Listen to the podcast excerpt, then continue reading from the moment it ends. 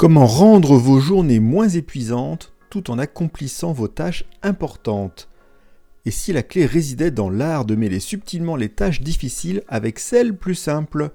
Bienvenue, vous êtes dans J'ai pas le temps pour ça, le podcast proposé par Eric Boucher. Je vous partage des trucs, des astuces, des outils, des méthodes pour être plus efficace au quotidien et terminer la journée plus tranquillement. Justement, imaginez cette scène. Il est tard dans l'après-midi, votre boîte de réception déborde d'emails exigeant une concentration intense. Certains sont liés à des aspects logistiques complexes, d'autres nécessitent de résumer des détails sensibles du travail à vos gestionnaires. Mais parmi cette pile se trouve un ensemble de mails portant sur une fête au travail, un événement agréable que vous attendez avec plaisir, et le choix du restaurant est au cœur de cette tâche plus légère et amusante. Maintenant, quelle pile d'emails devriez-vous aborder en premier? Selon une récente étude publiée dans le Journal of Applied Psychology, la clé pourrait résider dans l'application de l'effet du complément facile, easy addendum. Cette étude révèle que lorsque vous êtes confronté à des tâches difficiles, répétitives et monotones, mais nécessitant tout de même une attention soutenue, vous pouvez rendre l'expérience globale moins difficile en terminant délibérément votre journée avec des tâches plus faciles.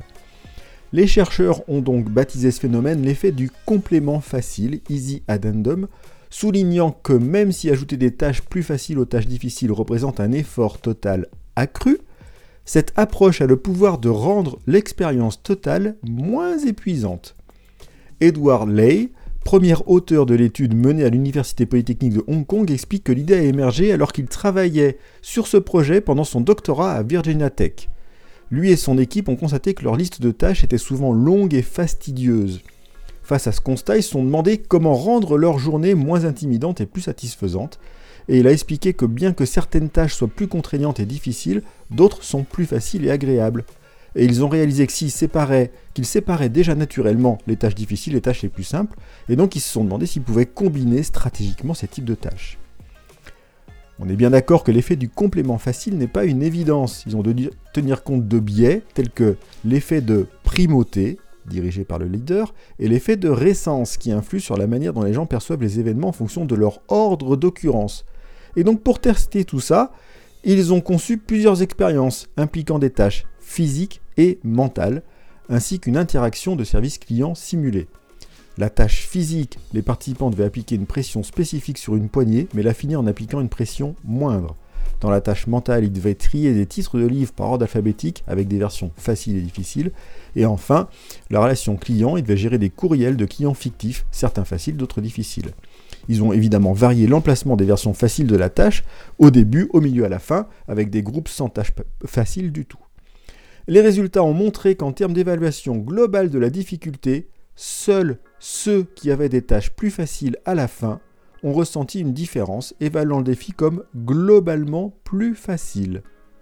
Cette perception peut être liée à l'effet de récence et à un biais psychologique déjà observé où les gens évaluent une expérience en faisant une moyenne plutôt qu'en additionnant ses composants. Et cependant, il est important de noter que l'effet du complément facile n'est pas une solution universelle, évidemment. Lay, le chercheur, souligne que dans des situations très complexes, très différentes ou prenant beaucoup de temps, cet effet peut être moins efficace. Et il y a des personnes et des situations où la difficulté est le moteur, où le défi est apprécié et la maîtrise d'une activité exigeante est recherchée. Néanmoins, intégrer l'effet du complément facile dans votre quotidien pourrait être une solution simple pour rendre vos activités plus gérables, en ayant le sentiment que vous accomplissez votre travail sans trop d'efforts supplémentaires.